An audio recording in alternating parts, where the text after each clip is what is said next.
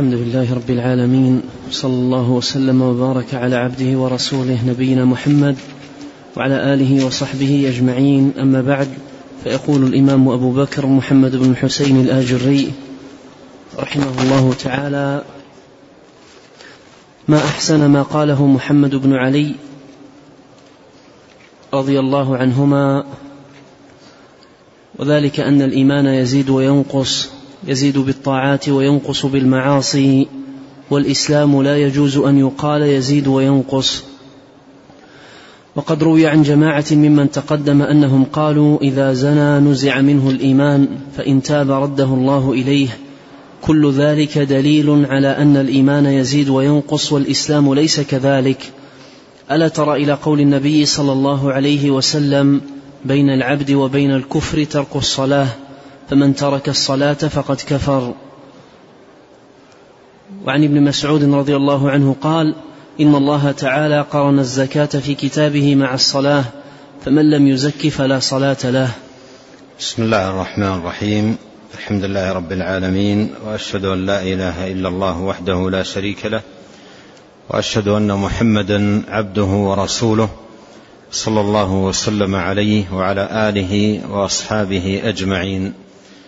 اللهم علمنا ما ينفعنا وانفعنا بما علمتنا وزدنا علما وأصلح لنا شأننا كله ولا تكلنا إلى أنفسنا طرفة عين. أما بعد فإننا لا نزال في باب ما دل على أن الإيمان يزيد وينقص. وقد ساق رحمه الله تعالى جملة من الأدلة على ذلك كان من آخر ما مر حديث النبي صلى الله عليه وسلم لا يزني الزاني حين يزني وهو مؤمن ولا يسرق السارق حين يسرق وهو مؤمن ولا يشرب الخمر حين يشربها وهو مؤمن. وقد أفاد هذا الحديث كما تقدم التنبيه على ذلك على أن الإيمان يزيد وينقص باعتبار أن فعل هذه المعاصي وارتكاب هذه الذنوب مضعف للإيمان منقص له. والنفي في الحديث لا يزني الزاني حين يزني وهو مؤمن للإيمان ليس نفيا لأصله وإنما هو نفي لكمال الإيمان الواجب الذي يتعرض فاعله للعقوبة عقوبة الله سبحانه وتعالى. فأفاد هذا الحديث أن الإيمان يزيد وينقص يزيد بطاعة الله تبارك وتعالى وينقص بفعل هذه المعاصي والذنوب.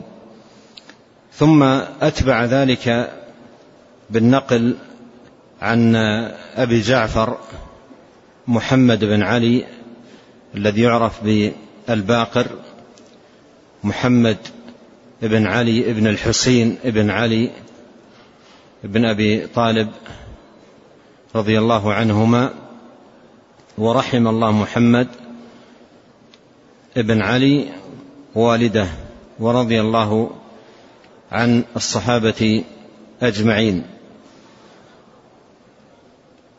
أورد النقل عن محمد بن علي المعروف بالباقر أبو جعفر أنه قال هذا الإسلام ودور دائرة في وسطها أخرى وقال هذا الإيمان.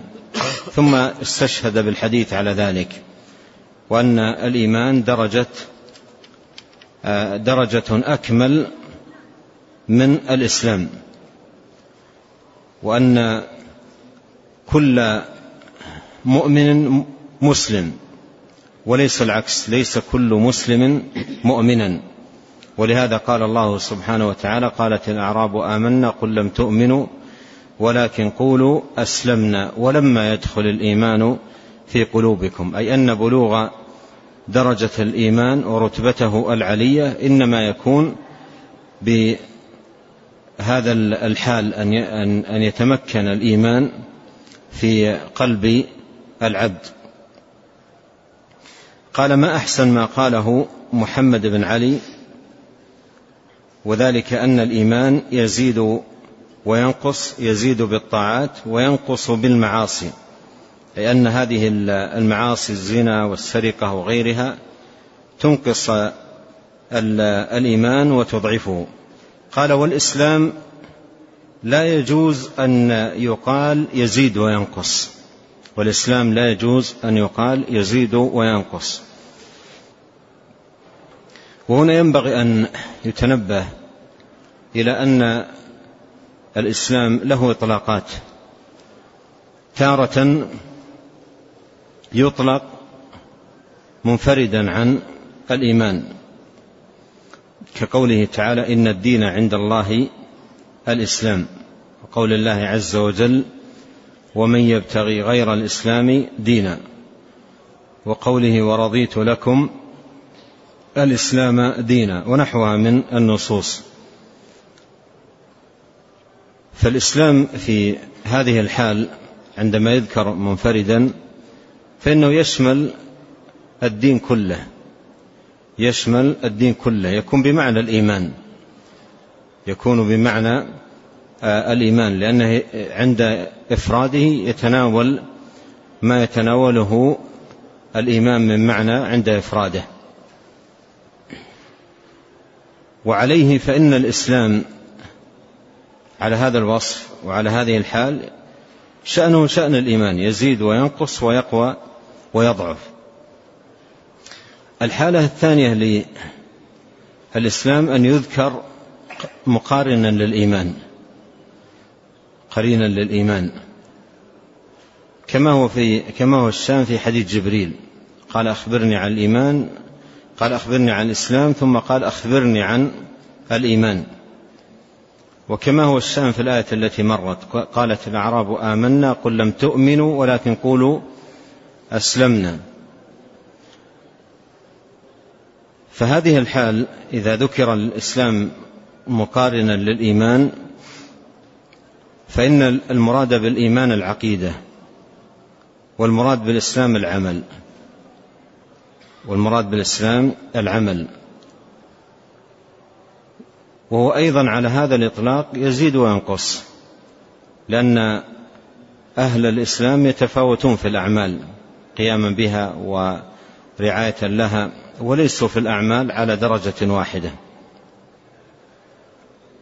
فالإسلام يزيد وينقص على الإطلاقين سواء ذكر مفردا أو ذكر مقرونا بالإسلام أو, أو ذكر مقرونا بالإيمان.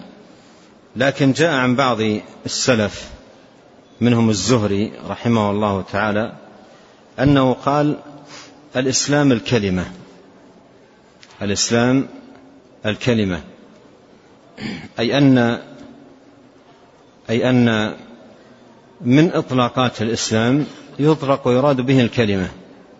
ولعل من ذلك ما جاء في حديث معاذ. وقد أورده النووي في الأربعين قال رأس الأمر الإسلام وعموده الصلاة وذروة سنامه الجهاد في سبيل الله. فإن المراد بقوله رأس الأمر الإسلام أي شهادة لا إله إلا الله وأن محمدا رسول الله. يقول شيخ الإسلام بن تيمية رحمه الله فالإسلام الذي لا يستثنى فيه الإسلام الذي لا يستثنى فيه الشهادتان باللسان فقط. فإنها لا تزيد ولا تنقص. فإنها لا تزيد ولا تنقص. فالاستثناء فيها. فالاستثناء فيها. فإذا الإسلام إذا أطلق وذكر مفردا فهو بمعنى الإيمان وهو يزيد وينقص وإذا ذكر مقرونا بالإيمان فالمراد به العمل والأعمال تزيد وتنقص. وأما إذا أطلق هذا الإطلاق وأريد به الشهادتان فقط باللسان فهذه كلمة لا تقبل لا زيادة ولا نقصان. لا بد أن يؤتى بها كاملة. لا يزاد فيها ولا ينقص منها. وأما ما أشار إليه في الحديث إذا زنى نزع منه الإيمان فسيأتي عنده رحمه الله تعالى مرفوعا إلى النبي عليه الصلاة والسلام. فإن تاب رده الله إليه. كل ذلك دليل على أن الإيمان يزيد وينقص والإسلام ليس كذلك يقول. والإسلام ليس كذلك. ألا ترى إلى قول النبي صلى الله عليه وسلم بين العبد وبين الكفر ترك الصلاة فمن ترك الصلاة فقد كفر.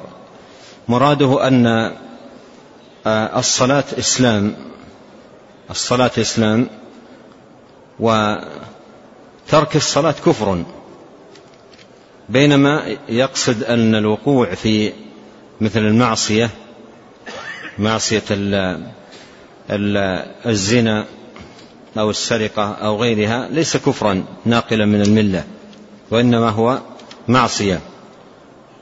أما الصلاة فهي عماد الدين وتركها كفر بالله. قال ألا ترى إلى قول النبي والإسلام ليس كذلك؟ ألا ترى إلى قول النبي صلى الله عليه وسلم بين العبد وبين الكفر ترك الصلاة. ترك الصلاة. لكن هذا المثال الذي ذكره وهو الصلاة. هل المصلون في صلاتهم على درجة واحدة؟ أو أن الصلاة نفسها حال المصلين فيها أنها تزيد وتنقص. منهم من صلاته أعظم ومقامه في صلاته أجل. وكلهم قد صلى وكلهم أدى الفرض الذي أوجبه الله سبحانه وتعالى عليه. وفي الحديث ليس للمرء من صلاته إلا ما عقل منها. فالصلاة نفسها هي من العمل الذي يتفاوت أهل الإيمان فيه زيادة ونقصا وقوة وضعفا نعم. قال رحمه الله تعالى حدثنا وفيما يتعلق بحديث لا يزني الزاني حين يزني وهو مؤمن شيخ الإسلام بن تيمية رحمه الله تعالى نبه على فائدة مهمة تتعلق بهذا الحديث في كتاب له عنوانه قاعدة في المحبة. في الصفحة 104 يقول رحمه الله لكن إذا كان أصل الإيمان صحيحا يعني ممن وقع في شيء من هذه الكبائر الزنا أو السرقة أو شرب الخمر يقول لكن إذا كان أصل الإيمان صحيحا وهو التصديق فإن هذه المحرمات يفعلها المؤمن مع كراهته وبغضه لها. فوإذا فعلها لغلبة الشهوة عليه فلا بد أن يكون مع فعلها فيه نقص آه نعم فيه بغض لها وفيه خوف من عقاب الله عليها وفيه رجاء لأن يخلصه الله من عقابها إما بتوبة وإما حسنات وإما عفو وإما دون ذلك. قال وإلا فإذا لم يبغضها وإلا فإذا لم يبغضها ولم يخف الله فيها ولم يرجو رحمته فهذا لا يكون مؤمنا بحال بل هو كافر أو منافق. وهذا تفصيل مفيد ذكره رحمه الله تعالى في رسالة له عنوانها قاعدة في المحبة. نعم. قال رحمه الله تعالى حدثنا أبو شعيب عبد الله بن الحسن الحراني قال حدثني جدي قال حدثنا موسى بن أعين عن عبيد الله بن عمرو عن زيد بن أبي أنيسة عن الأعمش عن مجاهد عن ابن عباس رضي الله عنهما قال إن الرجل إذا زنى نزع الله منه نور الإيمان فإن شاء رده إليه وإن شاء تركه. قال وحدثنا عمر بن أيوب السقطي قال حدثنا أبو معمر القطيعي قال حدثنا جرير عن الأعمش عن مجاهد قال كان ابن عباس رضي الله عنهما يسمي غلمانه تسمية العرب ويقول لا تزنوا فإن الرجل إذا زنى نزع منه نور الإيمان قال حدثنا أبو نصر محمد بن كردي قال حدثنا أبو بكر المروذي قال حدثنا أحمد بن حنبل قال حدثنا عبد الرحمن بن مهدي عن سفيان عن إبراهيم بن عن إبراهيم بن مهاجر عن مجاهد عن ابن عباس رضي الله عنهما أنه قال لغلمانه من, أرى من أراد منكم الباء زوجناه لا يزني منكم زان إلا نزع الله منه نور الإيمان فإن شاء أن يرده عليه رده وإن شاء أن يمنعه منه منعه. أورد رحمه الله تعالى هذا الأثر عن ابن عباس رضي الله عنهما قال إن الرجل إذا زنى نزع الله منه نور الإيمان فإن شاء رده إليه وإن شاء تركه. وفي هذا المعنى حديث يرفع إلى النبي عليه الصلاة والسلام. قال إذا, نز إذا زنى العبد خرج منه الإيمان وكان عليه كالظلة وكان عليه كالظلة.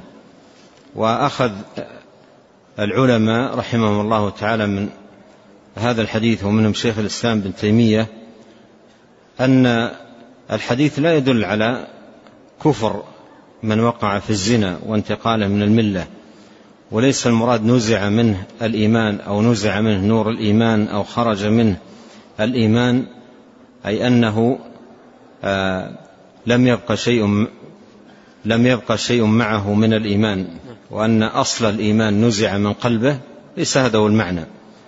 يقول ابن تيمية بدلالة قوله وكان عليه كالظلة والظلة لم تفارق صاحبها أي عنده شيء من آه، عنده شيء من آه، الإيمان فلا ينزع عنه الوصف بالكلية ولا يثبت له أيضا آه، الوصف بالإطلاق وإنما يفصل يقال مؤمن بإيمانه فاسق بكبيرته أو يقال مؤمن ناقص الإيمان أو ضعيف الإيمان أو يقال الفاسق الملي أي من أهل الملة أو نحو ذلك. قال ابن عباس رضي الله عنهما إن الرجل إذا زنى نزع الله منه نور الإيمان. نزع الله منه نور الإيمان. وهذا فيه أن الإيمان نور لصاحبه وضياء لقلبه ونور لوجهه وضياء له أيضا في طريقه وسبيله ومن بعد ذلك نور له في قبره وحشره ولقائه لربه سبحانه وتعالى يوم تقسم الأنوار. فالإيمان نور وإذا زنى العبد نزع الله منه نور الإيمان وهذا فيه دلالة على خطورة هذه المعاصي العظيمة على إيمان الشخص وأن وقوع العبد في هذه الكبائر وهذه المعاصي موجبا لرقة دينه وضعف إيمانه ونقصه وذهاب نور الإيمان وبهجته وضيائه عنه. قال فإن شاء رده إليه إن شاء رده إليه أي بتوفيقه للتوبة والإنابة والرجوع إلى الله والإقلاع عن هذه المعاصي وإن شاء تركه. وهذه المعاصي ولا ولا سيما الزنا وقل مثله في شرب الخمر. إذا دخل فيه العبد استمرأه والعياذ بالله استمرأه ولازمه وأصبح فكاكه منه صعب إلا أن يخلصه الله منه ويعافيه منه كما في هذا الحديث فإن شاء أي الله رده إليه. رده إليه أي نور الإيمان وإن شاء تركه أي على عصيانه. نعم. قال رحمه الله تعالى وحدثنا أبو نصر قال حدثنا أبو بكر المروذي قال حدثنا أبو عبد الله أحمد بن حنبل قال حدثنا يزيد يعني بن هارون. في في بعض الطرق التي مرت معنا أن ابن عباس كان يسمي غلمانة تسمية العرب لعله ينادي كلا منهم باسمه ويخصه بالنصح. لا تزنوا يقول فإن الرجل إذا زنى نزع منه نور الإيمان. في الرواية الأخرى قال أنه قال لغلمانه من أراد منكم الباء زوجناه لا يزني منكم زان إلا نزع الله منه نور الإيمان.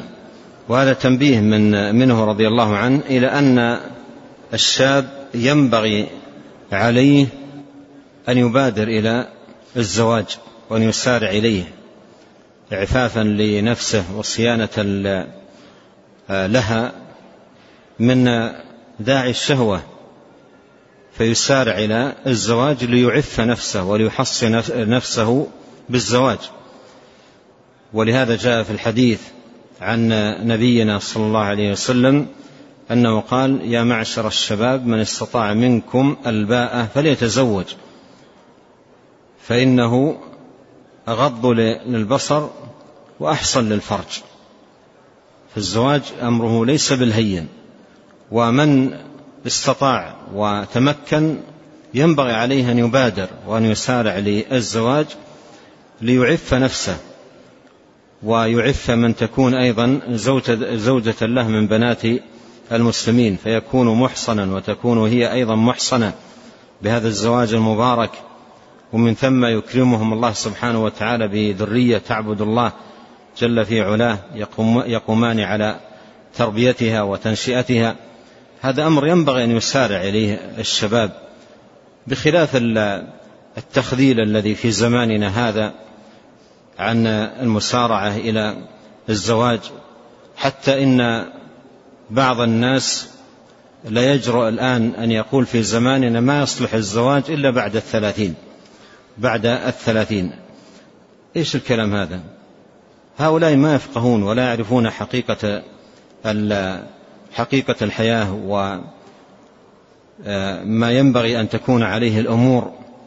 ولهذا تأخر الزواج يترتب عليه من المفاسد والمضار الشيء العظيم سواء فيما يتعلق بالرجال أو ما يتعلق في النساء.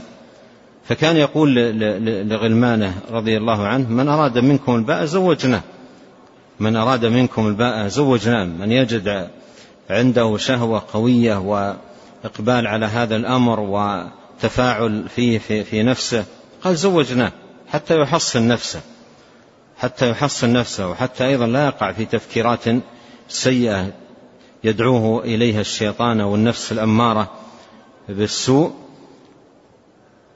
قال من أراد منكم الباء زوجناه.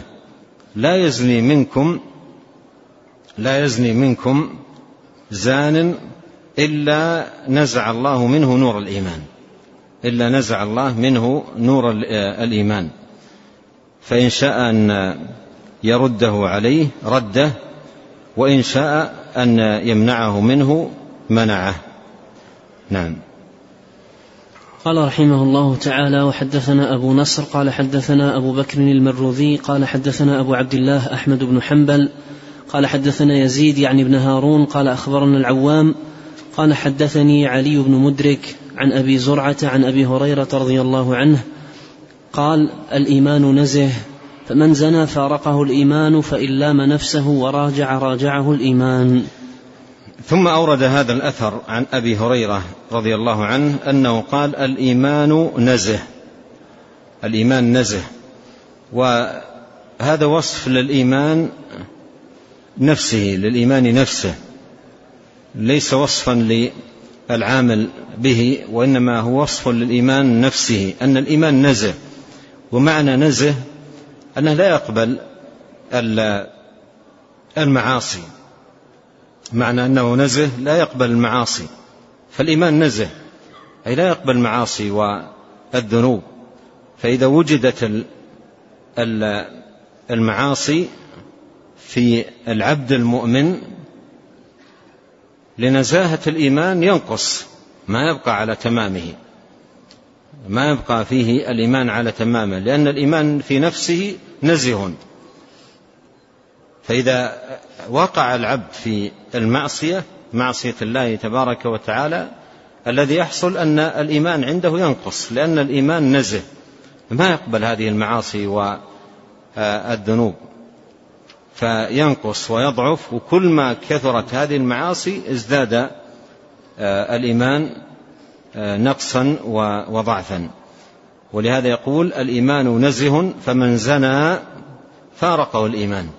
لنزاهة الإيمان قال فمن زنى فارقه الإيمان فإن لام نفسه ورجع رجعه الإيمان. والإيمان ال- الذي يفارق صاحبه بالزنا ويعود إليه بالتوبة ليس آه، المراد به أصل الإيمان وهذا بإجماع السلف رحمهم الله. ليس المراد به أصل الإيمان. لا يخالف في ذلك إلا الخوارج والمعتزلة من يخرجون آه، يخرجون العاصي بالكبيرة أو المعصية من آه، الإيمان. فليس المراد بقوله رضي الله عنه فارقه الإيمان أي أصل الإيمان وإنما يفارقه الإيمان المطلق الإيمان يفارقه كمال الإيمان الواجب فيكون بمفارقة هذا الإيمان له فاسقا مستحقا للعقوبة ولا يكون كافرا منتقلا من الملة. قال فارقه الإيمان أي فأصبح فاسقا مستحقا لعقوبة الله تبارك وتعالى عرضة لعقوبة الله فإن لام نفسه ورجع رجعه الإيمان. نعم. قال رحمه الله تعالى وحدثنا أبو نصر قال حدثنا أبو بكر قال حدثنا أحمد قال حدثنا وكيع عن الفضل بن دلهم عن الحسن قال قال رسول الله صلى الله عليه وسلم لا يشرب الخمر حين يشربها وهو مؤمن. ينزع الله منه نور الإيمان كما يخلع أحدكم قميصه فإن تاب تاب الله عليه. وهذا النعم اللي بعده. قال وحدثنا أيضا أبو نصر قال حدثنا أبو بكر قال حدثنا أحمد قال حدثنا يحيى بن سعيد عن أشعث عن الحسن عن النبي صلى الله عليه وسلم قال ينزع الله منه الإيمان فإن تاب أعيد إليه الإيمان. نعم وهذا الحديث آه، ينزع آه، ينزع الله منه نور الإيمان كما يخلع أحدكم قميصه فإن تاب تاب الله عليه. الروايه الاخرى قال ينزع الله منه آه، الإيمان فإن تاب أعيد إليه الإيمان. والايمان كما قدمت ليس المراد به أصله ليس المراد به آه، أصل الإيمان إلا إذا كان مستحلا لهذه المعاصي يفعلها عن استحلال لها. فإن فإنه يكفر وينتقل من الملة بالاستحلال.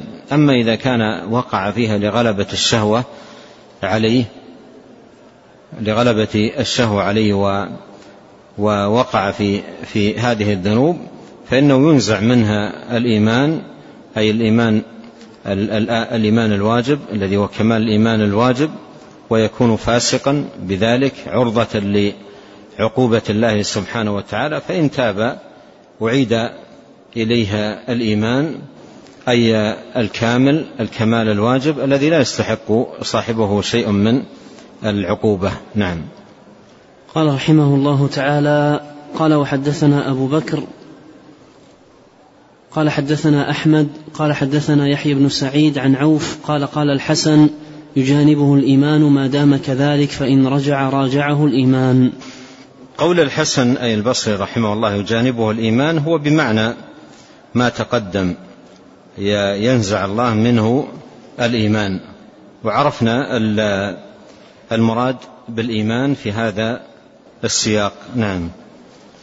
قال رحمه الله تعالى وحدثنا الفريابي قال حدثنا إسحاق بن راهوية قال حدثنا عبد الله بن إدريس قال حدثنا محمد بن عمرو عن أبي سلمة عن أبي هريرة رضي الله عنه عن النبي صلى الله عليه وسلم قال أكمل المؤمنين إيمانا أحسنهم خلقا. قال وحدثنا أبو بكر بن أبي داود قال حدثنا أبو الطاهر أحمد بن عمرو قال حدثنا أنس بن عياض قال حدثني محمد بن عجلان عن القعقاع عن أبي صالح عن أبي هريرة رضي الله عنه أن النبي صلى الله عليه وسلم قال أكمل المؤمنين إيمانا أحسنهم خلقا. وهذا الحديث حديث أبي هريرة رضي الله عنه عن النبي صلى الله عليه وسلم أنه قال أكمل المؤمنين إيمانا أحسنهم خلقا. من جملة ما استدل به أئمة السلف رحمهم الله تعالى على هذه المسألة أن الإيمان يزيد وينقص ويقوى ويضعف وأن أهله ليسوا فيه سواء. ولهذا قال النبي صلى الله عليه وسلم أكمل المؤمنين وأكمل أفعل تفضيل. أكمل أفعل تفضيل. أكمل المؤمنين إيمانا أحسنهم خلقا. فإذا قوله أكمل المؤمنين إيمانا لا يكون هذا أكمل لا يكون هذا أكمل حتى يكون غيره ماذا؟ أنقص. لا يكون هذا أكمل حتى يكون غيره أنقص. فإذا قول, قول النبي صلى الله عليه وسلم أكمل المؤمنين إيمانا أحسنهم خلقا. هذا دليل على أن الإيمان يزيد وينقص. وأن من أسباب زيادة الإيمان عناية المسلم بالخلق الفاضل والأدب الكريم وأن آداب الشريعة التي جاء الإسلام بالحث عليها والترغيب فيها والذكر لعظمة شأنها هي أخلاق يزداد بها الإيمان بل هي جزء من الإيمان بل هي جزء من آه، الإيمان. وقول النبي عليه الصلاة والسلام أكمل المؤمنين إيمانا أحسنهم خلقا. دليل واضح على أن حسن الخلق من الإيمان. دليل على أن حسن الخلق من الإيمان. ولهذا, ينت... ولهذا ينبغي أن ينتبه هنا إلى أمر في غاية الأهمية وهو ما ميز الله ما ميز الله سبحانه وتعالى به أمة الإسلام عندما يتعاملون بالأخلاق الفاضلة والآداب الكاملة إنما يتعاملون بها قربة لله وطلبا لما عند الله. إنما نطعمكم لوجه الله لا نريد منكم جزاء ولا شكورا. حسن الخلق قربة ليس عملا يأتي به آه، المرء لمصالح آنية يحسن أخلاقه لمصالح فإن حصل مصالحه توقف عن حسن الخلق. ليس هذا حسن الخلق في الإسلام. حسن الخلق في الإسلام قربة من القرب التي يتقرب بها المسلم إلى الله تبارك وتعالى. ولهذا لا يغتر بما يكون عليه بعض الكفار من أخلاق جميلة وآداب حسنة. لأن تلك الأخلاق التي يقومون بها ليست من باب القرب. ليست من باب القرب. وأما المسلم فخلقه حتى وإن قل قربة يجد عليه ثوابا يوم آه، القيامة. ولهذا جاء في الصحيح أن أم المؤمنين عائشة رضي الله عنها سألت النبي صلى الله عليه وسلم عن عبد الله بن جدعان. قالت إنه يقرئ الضيف ويفك العاني ويفعل كذا. أمور عظيمة كان يقوم بها. أينفعه ذلك؟ تسأل رضي الله عنها أينفعه ذلك؟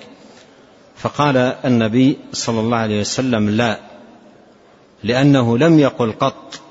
اللهم اغفر لي خطيئتي يوم الدين. يعني هذه الأعمال التي كان يعملها لم يكن يعملها من أجل يوم الدين يوم القيامة يوم الوقوف بين يدي الله. وإنما كان يعملها لأمور في الدنيا. مثله ما قاله النبي صلى الله عليه وسلم لعدي بن حاتم لما سأل النبي صلى الله عليه وسلم عن والده. قال إن والدي كان يفعل كذا من الكرم والجود والبذل أينفعه ذلك؟ فقال له النبي صلى الله عليه وسلم ذاك رجل أراد شيئا فناله أو حصله.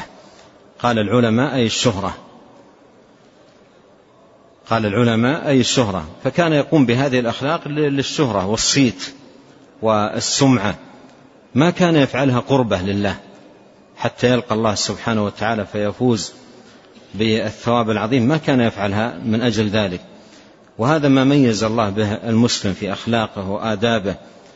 فهو فهو يقوم ب ويؤدي هذه الأخلاق تقربا إلى الله سبحانه وتعالى. ولهذا إذا تعامل مع الناس بالخلق وأساءوا إليه. لا يألم لا لا يألم لما قام به من حسن خلق معهم لأنه لم يفعل ذلك لشيء يرجوه منهم وإنما لشيء يرجوه عند الله سبحانه وتعالى. فلا يأسف ولا يألم لأن ما ضاع عليه شيء. الشيء الذي قدم من أجله حسن الخلق لا يرجوه منهم وإنما يرجوه من الله سبحانه وتعالى. قال إن لي قرابة أصلهم ويقطعونني وأحسن إليهم ويسيئون إلي. قال آه، لئن كنت كما تقول فكأنما تسفهم المل ولا يزال عليك من الله ظهير ما دمت على ذلك. فالمسلم يقوم بأخلاقه تقربا إلى الله سبحانه وتعالى. أيضا فيما يتعلق بالكفار والتعاملات الجميلة ينبغي أن يعلم في هذا المقام أن الكفر ملازم تمام الملازمة لفساد الخلق. لا يمكن أن يكون كفر وحسن خلق. لا يمكن. الكفر ملازم لتمام الملازمة لفساد الخلق. لأنك إن نظرت للخلق بمعناه الوافي فإن أعظم الخلق وأوجبه وأعظم الأدب وأتمه الأدب مع الله. فأي خلق وأي أدب في رجل خلقه الله وأمده بالصحة والعافية والسمع والبصر والمسكن والمأوى والمركب ثم يصرف ذلة لغير الله. أين الخلق؟ ثم يصرف ذلة وخضوعه وخشوعه وعبادته لغير الله. أين الخلق؟ أين الخلق في من ينكر مثلا شرع الله وينكر دينه ينكر توحيده وإخلاص الدين له أو يستهزئ بالله أو برسوله أو بكتابه؟ هذا كله من فساد الخلق. من فساد الخلق. وقول النبي عليه الصلاة والسلام إنما بعثت لأتمم صالح الأخلاق الخلق الدين كله مثل ما قال الله تعالى آه، وإنك لعلى خلق عظيم أي دين كامل على دين كامل. نعم. قال رحمه الله تعالى وحدثنا الفريابي قال حدثنا قتيبة بن سعيد عن مالك بن أنس عن ابن شهاب عن سالم عن ابن عمر رضي الله عنهما أن النبي صلى الله عليه وسلم مر على رجل من الأنصار وهو يعظ أخاه في الحياء فقال صلى الله عليه وسلم دعه فإن الحياء من الإيمان.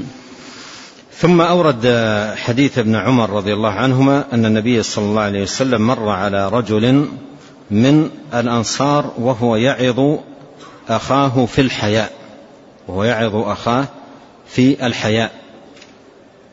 آه، كأنه آه، رآه يستحي وفيه تميز في هذا الخلق خلق آه، الحياء. والحياء خلق يقوم في القلب قلب المؤمن. فيدفع صاحبه للتحلي بالفضائل والتخلي عن الرذائل.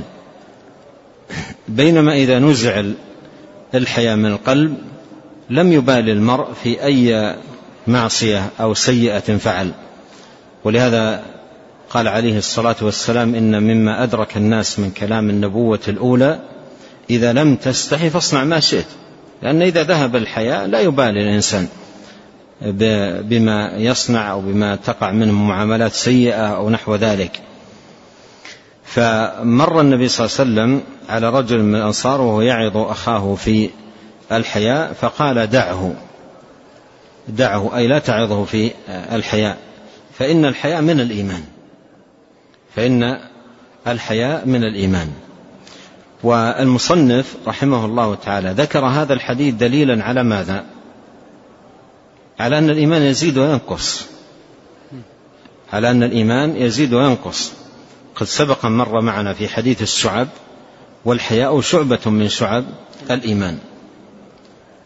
ووجه الدلالة في هذا الحديث على زيادة الإيمان ونقصانه أن الحياء إذا كان من الإيمان وقد دل الحديث على ذلك فأهل الإيمان يتفاوتون في الحياء. فقد قال عليه الصلاة والسلام أحيا أمتي عثمان أي أشدهم حياء. فأهل الإيمان يتفاوتون في آه، الحياء ليسوا فيه على درجة واحدة. وعليه فالإيمان يزيد وينقص. بل زيادة الإيمان ونقصانه ليست فقط في الأعمال الظاهرة من صلاة وصيام وصدقة بل حتى في الأعمال الباطنة مثل الحياء والرجاء والتوكل والخشية والإنابة وغير ذلك أهل الإيمان يتفاوتون في هذه الأعمال القلبية تفاوتا عظيما. فالإيمان يزيد وينقص من جهة الأعمال الظاهرة ومن جهة أيضا الأعمال القلبية. نعم. قال رحمه الله تعالى وحدثنا أبو نصر محمد بن كردي قال حدثنا أبو بكر المروذي قال حدثنا أحمد قال حدثنا وكيع عن سفيان عن الأعمش عن خيثمة عن عبد الله بن عمرو رضي الله عنه قال يأتي على الناس زمان يجتمعون في المساجد ليس فيهم مؤمن. قال حدثنا الفريابي قال حدثنا عثمان بن أبي شيبة قال حدثنا فضيل بن عياض عن الأعمش عن خيثمة عن عبد الله بن عمرو قال يأتي على الناس زمان يجتمعون في مساجدهم ليس فيهم مؤمن. قال وحدثنا الفريابي قال حدثنا عبيد الله بن معاذ قال حدثنا أبي قال حدثنا شعبة عن سليمان عن خيثمة عن عبد الله بن عمرو رضي الله تعالى عنه. قال ليأتين على الناس زمان يجتمعون في مساجدهم ما فيهم مؤمن.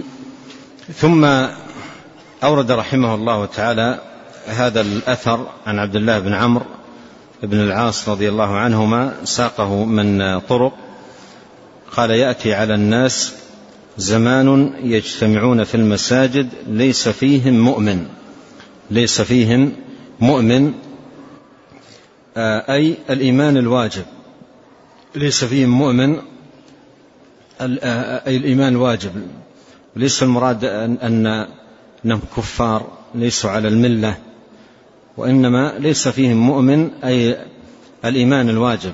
فهم يجتمعون في المساجد ويصلون لكنهم واقعون في الفسق واقعون في أنواع من الفجور من المعاصي الكذب الغش إلى غير ذلك من آه، الأمور. واقعون في آه، في في في هذه الأشياء. وليس المراد ليس في مؤمن أنهم كفار ليسوا من أهل آه، الملة. ليس هذا المراد. وإنما المراد بالإيمان المنفي هنا كمال الإيمان الواجب. كمال الإيمان الواجب الذي يستحق تاركه العقوبة. نعم. قال محمد بن الحسين رحمه الله تعالى كل هذه الآثار تدل على زيادة الإيمان ونقصانه وسنذكر من القرآن ما يدل على ما قلنا وهذا طريق من أراد الله به خيرا. قال الله تعالى واذا ما انزلت سوره فمنهم من يقول ايكم زادته هذه ايمانا؟ فاما الذين امنوا فزادتهم ايمانا وهم يستبشرون. وقال تعالى هو الذي انزل السكينه في قلوب المؤمنين ليزدادوا ايمانا مع ايمانهم. وقال تعالى والذين اهتدوا زادهم هدى واتاهم تقواهم. وقال تعالى فيما أثنى به على أصحاب الكهف إنهم فتية آمنوا بربهم وزدناهم هدى وربطنا على قلوبهم. وقال تعالى إنما المؤمنون الذين إذا ذكر الله وجلت قلوبهم وإذا تليت عليهم آياته زادتهم إيمانا وعلى ربهم يتوكلون. وقال تعالى ليستيقن الذين أوتوا الكتاب ويزداد الذين آمنوا إيمانا. وهذا في القرآن كثير. وقال تعالى الذين قال لهم الناس إن الناس قد جمعوا لكم فاخشوهم فزادهم إيمانا وقالوا حسبنا الله ونعم الوكيل.